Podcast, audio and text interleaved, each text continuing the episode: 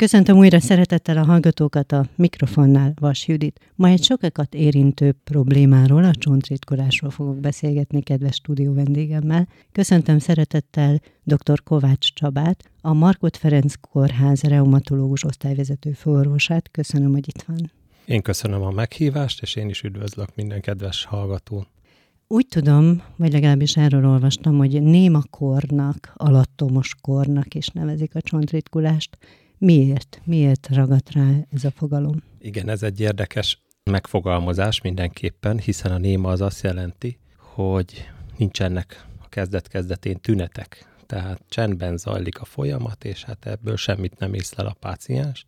A járvány pedig abban, hogy egyre inkább találkozunk ezzel a korképpel, tehát egyre több, sajnos egyre több beteget érint ez a kérdéskör nem találkozik vele a beteg egy bizonyos korig, nem? Tehát körülbelül mikor, hány éves kortól kezdünk azért mégis észlelni valamit, és mi az, amit észlelünk? Igen, hát ez nyilvánvaló, hogy nem a fiataloknak a betegsége, bár bizonyos korképekben lehet ott is probléma.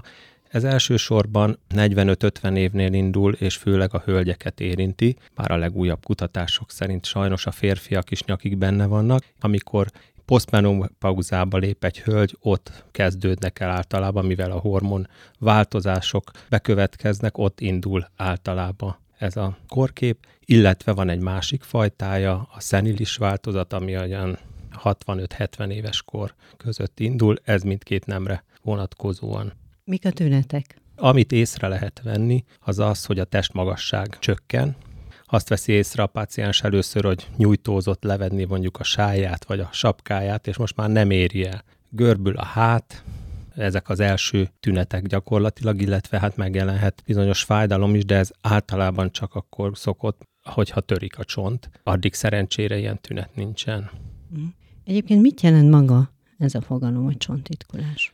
Szép fordítás ez, mert hogy benne van gyakorlatilag a korkép jelentése is. Ha latinosan mondjuk osteoporózis, porózus lesz a csont, ez azt jelenti, hogy gyakorlatilag a szerkezete, ez a mikroarchitektúrája, ez felbomlik, nem lesz olyan szép gyengül, átalakul, és sajnos a végén mind a csontnak a az ásványi anyag tartalma csökken, és ezáltal a csont törik. Tehát ez benne a veszélyes. Tehát a csontnak ez egy betegsége, mondhatjuk, amire ritkán gondolunk sajnos. Mm. És mik a kockázati tényezők, azon kívül, hogy öregszünk?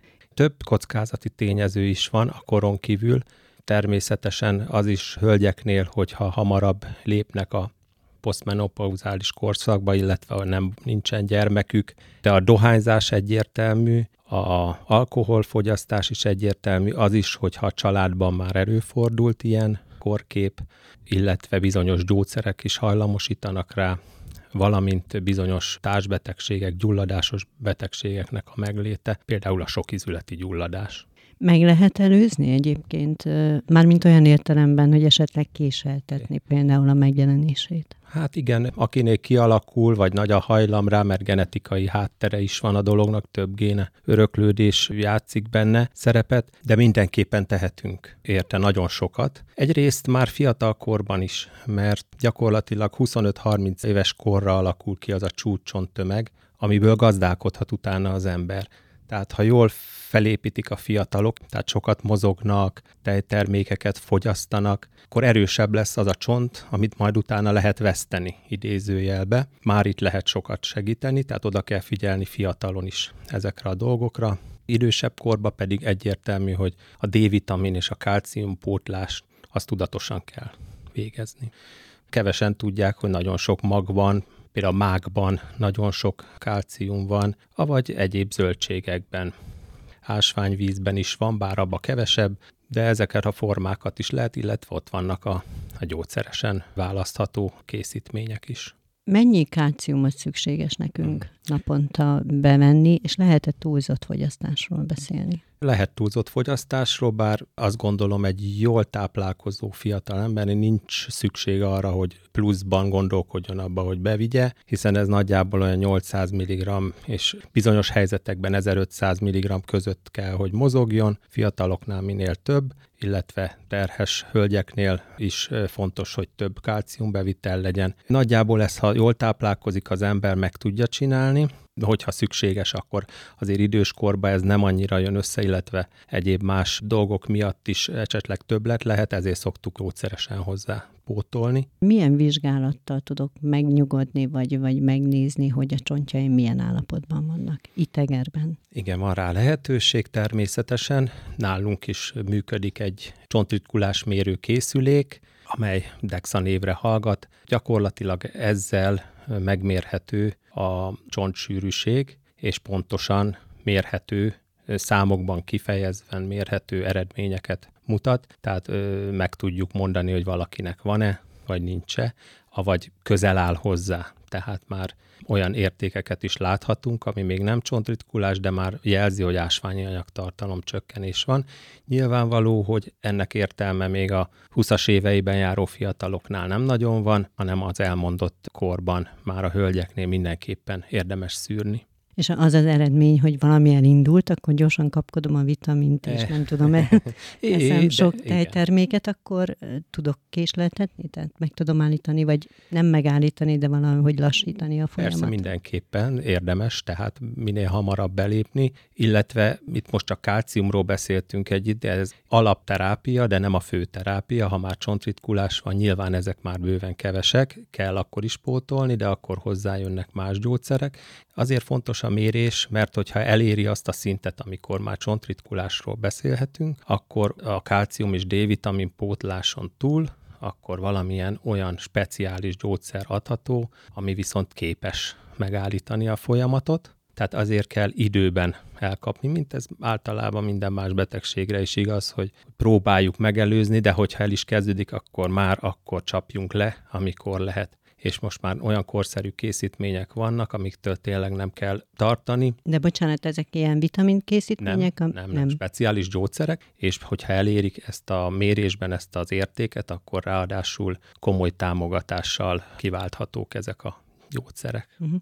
Egyébként a vizsgálatnak mi a folyamata? Tehát házi orvos először, és aztán ő ad beutalót? Tehát ilyen klasszikus folyamata van? igen, klasszikus folyamata van, az a probléma, az lenne a jó, és hát ezen a szakma is harcol, hogyha közvetlenül a házi orvos, ha ő úgy látja és felméri a rizikófaktorokat, mert erre van, vannak ilyen programok is, ki lehet szűrni, hogy ki erre esélyes, elküldi vizsgálatra. Sajnos közvetlenül nem tudja elküldeni, most még itt tartunk, tehát a saját beutalóan. Először valamilyen szakorvoshoz kell menni, elsősorban reumatológusok foglalkoznak ezzel, de bizonyos nőgyógyászok is, belgyógyászok, endokrinológusok, bizonyos helyeken ortopérok, traumatológusok is rendelnek úgymond csontritkulás szakrendelést, de általában állunk. Tehát ez egy plusz megjelenést jelent, ami szerintem felesleges a rendszerben. Az lenne jó, ha közvetlenül a házi orvosok beutalhatnák, de most ez így működik, úgyhogy mi próbálunk segíteni, hogyha eljön hozzánk ilyen kéréssel a páciens egy házi orvosi beutalóval, hogy kérem csontritkulásra való szűrését, akkor ezt mi meg tudjuk csinálni. Ezen kívül milyen lehetőség van még? Lehet-e valamivel még segíteni a betegem?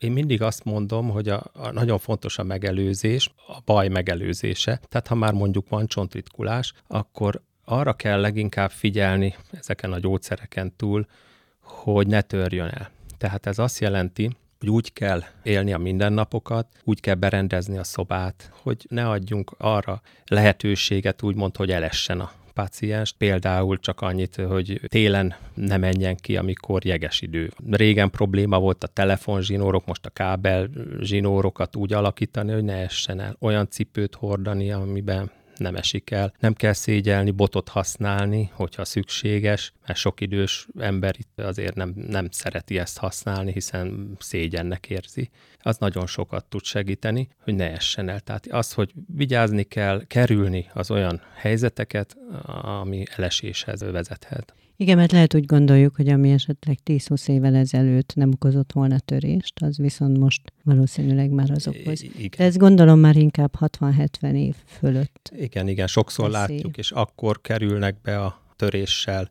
Például tudjuk, hogy a idős nénik nagyon szeretik a kimosott függönyt feltenni, és ezt két sámlin keresztül teszik meg. Na hát ezek az elesések azok, amik nem kellenek, hiszen a legnagyobb veszély ennek az van, hogy a legtöbbször a csukló, de inkább a comnyak vagy a gerinc törik. Uh-huh. És mhm. ebből van a probléma, illetve a szövődmény.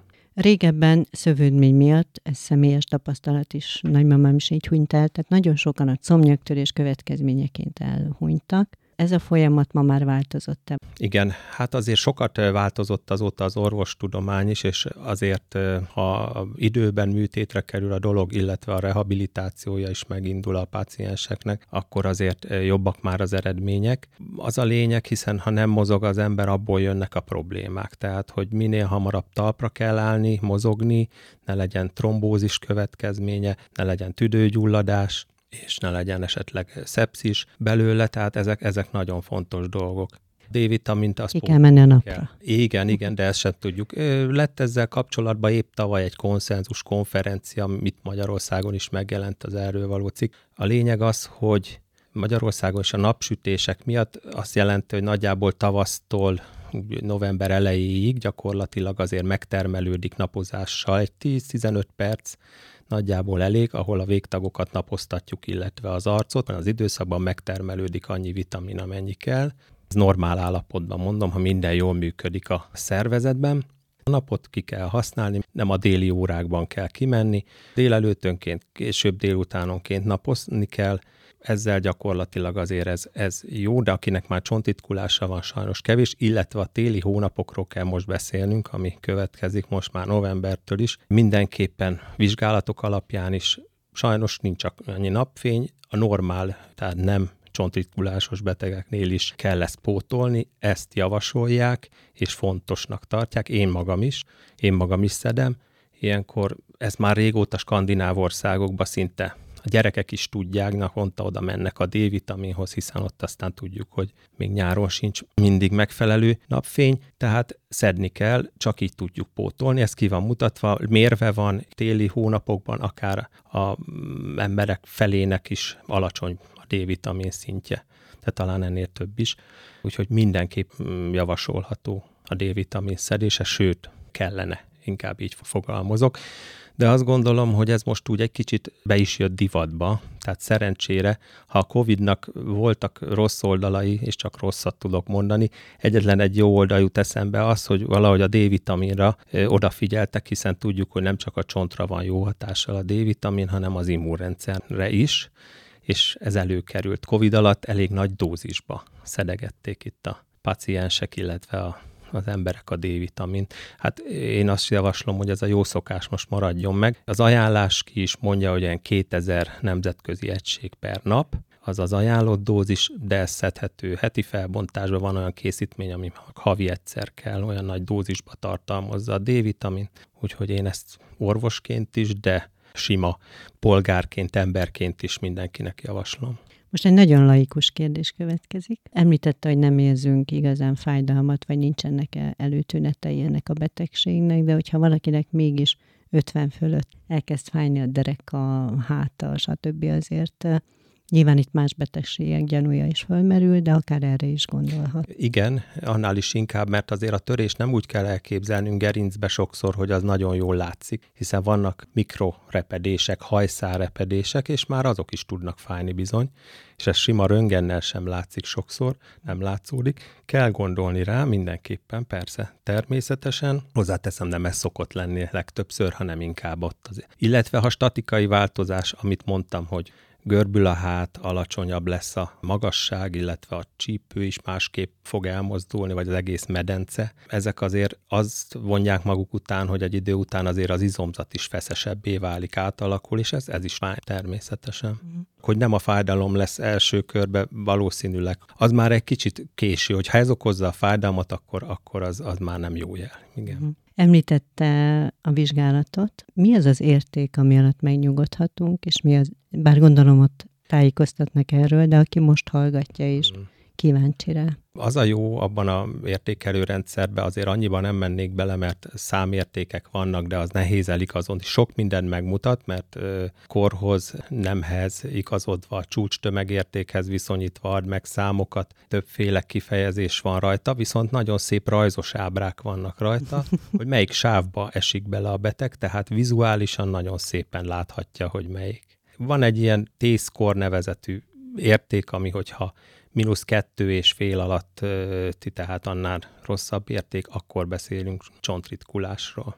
Azt mondják, hogy 2050-re azért itten meg fog nőni a csontitkulásosok száma az életmódból, egyéb dologból adódóan, tehát várható, hogy a hölgyeknél 250% kal a férfiaknál 300% kal ezt mondják a számítások. Hát ez nagyon hát Igen, tehát egy kicsit, igen, igen, igen, mindenképpen, és érdekes adat az is, hogy gyakorlatilag most a világban három másodpercenként van egy törés, ami a csontritkulás számlájára írható. Tehát ez, ez is, nagyon sok. Ez is ervasztó. Ez előbb, amit mondott, az annak köszönhető, hogy a fiatal generáció az egyre többet ül a telefon Igen. és számítógép és laptop, és nem tudom mi előtt, és minél kevesebbet mozognak. Ez nagyon benne van, belevették ebbe a számításba, illetve az is, hogy a táplálkozásunk sem olyan, amilyen régen volt. Ön egyébként miért választotta ezt a pályát annak idején? Akár az egészségügyi pályát, és azon belül pedig ezt a szakterületet. Igen, sokáig nem tudtam még, hogy ez lesz, vagy sokféle elképzelés van egy medikus fejében, és sokféle dolgot megpróbál. Engem igazából a reumatológia azért vonzott, mert láttam egyrészt, hogy a mozgás, a mozgásszervi panaszok azok előtérbe vannak, hiszen házi orvos közegben nőttem fel, édesapám házi orvos, ott is láttam, hogy gyakorlatilag a rendelőkbe bejövők nagy része azért arról panaszkodik, hogy itt fáj, ott fáj, térden fáj, derekan fáj, és hát ezt úgy láttam, hogy egy fejlődő, és tényleg az egy nagyon fejlődő ágazat az orvostudománynak, hiszen ha megnézzük az elmúlt 20 évet, nem csak csontritkulás, az egyéb dolgok, rulladásos betegségek kezelésében óriási változások és lehetőségek vannak. Például? Hát a sokizületi gyulladásnak a biológiai terápia, ami itt van most már a piacon, tehát már régóta tudjuk alkalmazni, nagyon gyorsan és, és, és nagyon hatékonyan lehet a túladásokat csökkenteni, illetve nem titok, hogy mindig vonzott a gyógyvizek, fizioterápia is tetszett.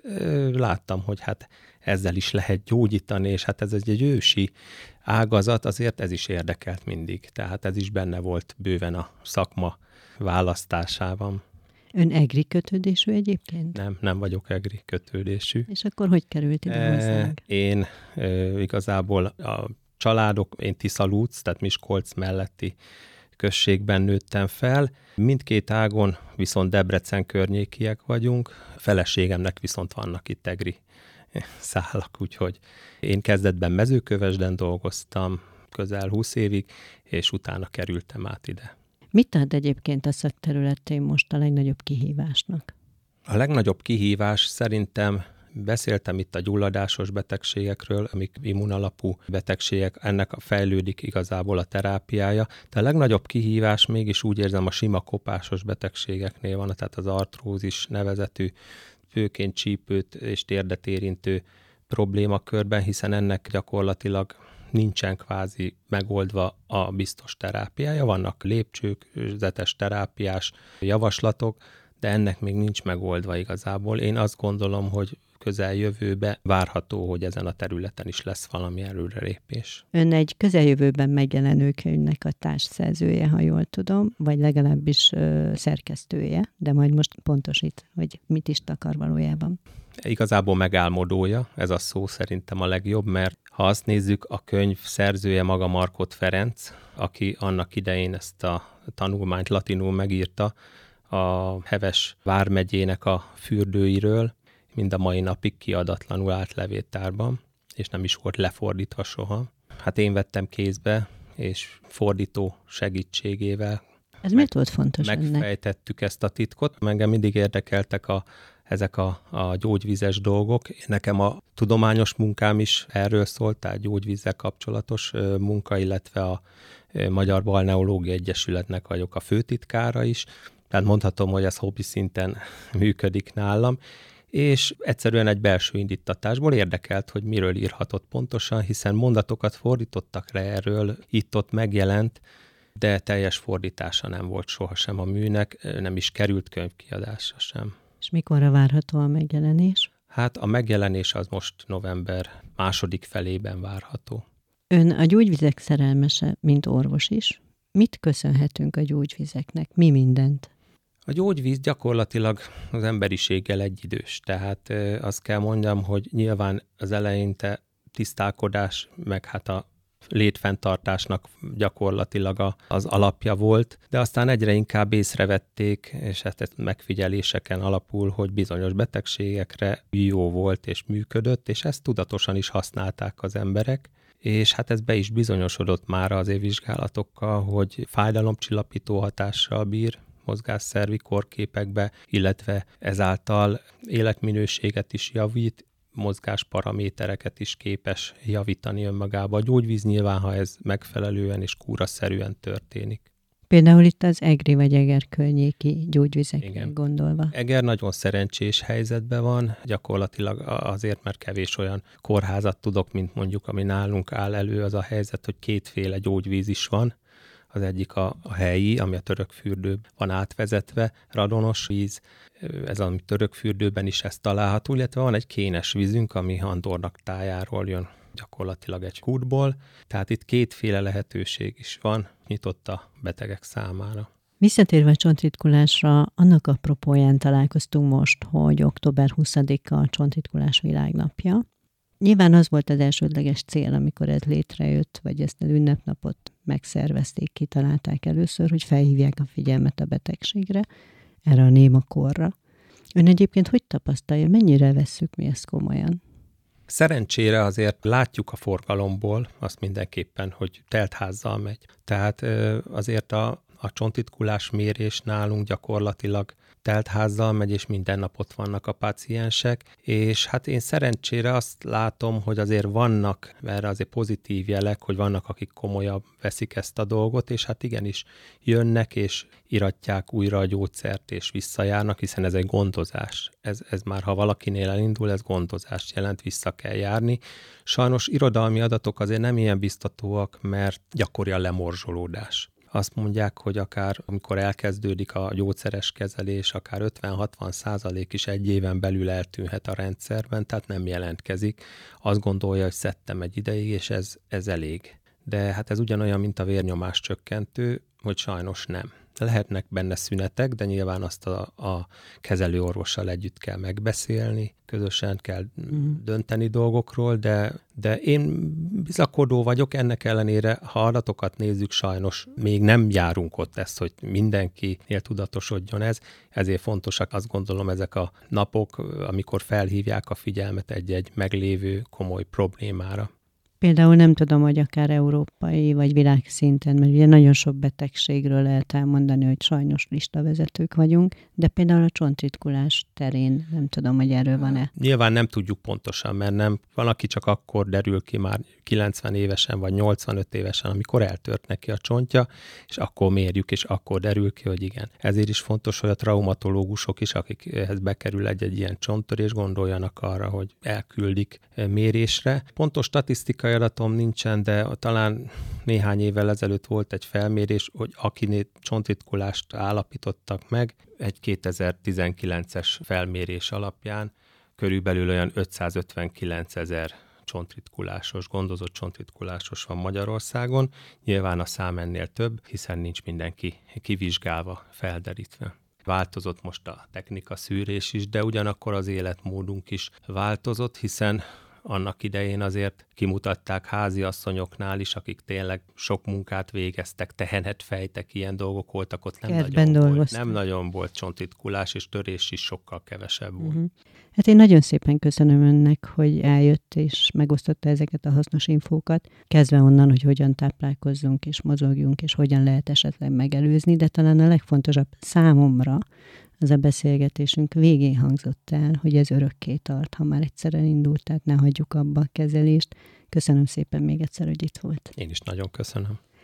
Kedves hallgatóink, vigyázzanak, figyeljenek magukra, én köszönöm szépen a figyelmet. Önök dr. Kovács Csabát és Vas Juditot hallották, tartsanak velünk máskor is, viszont hallásra.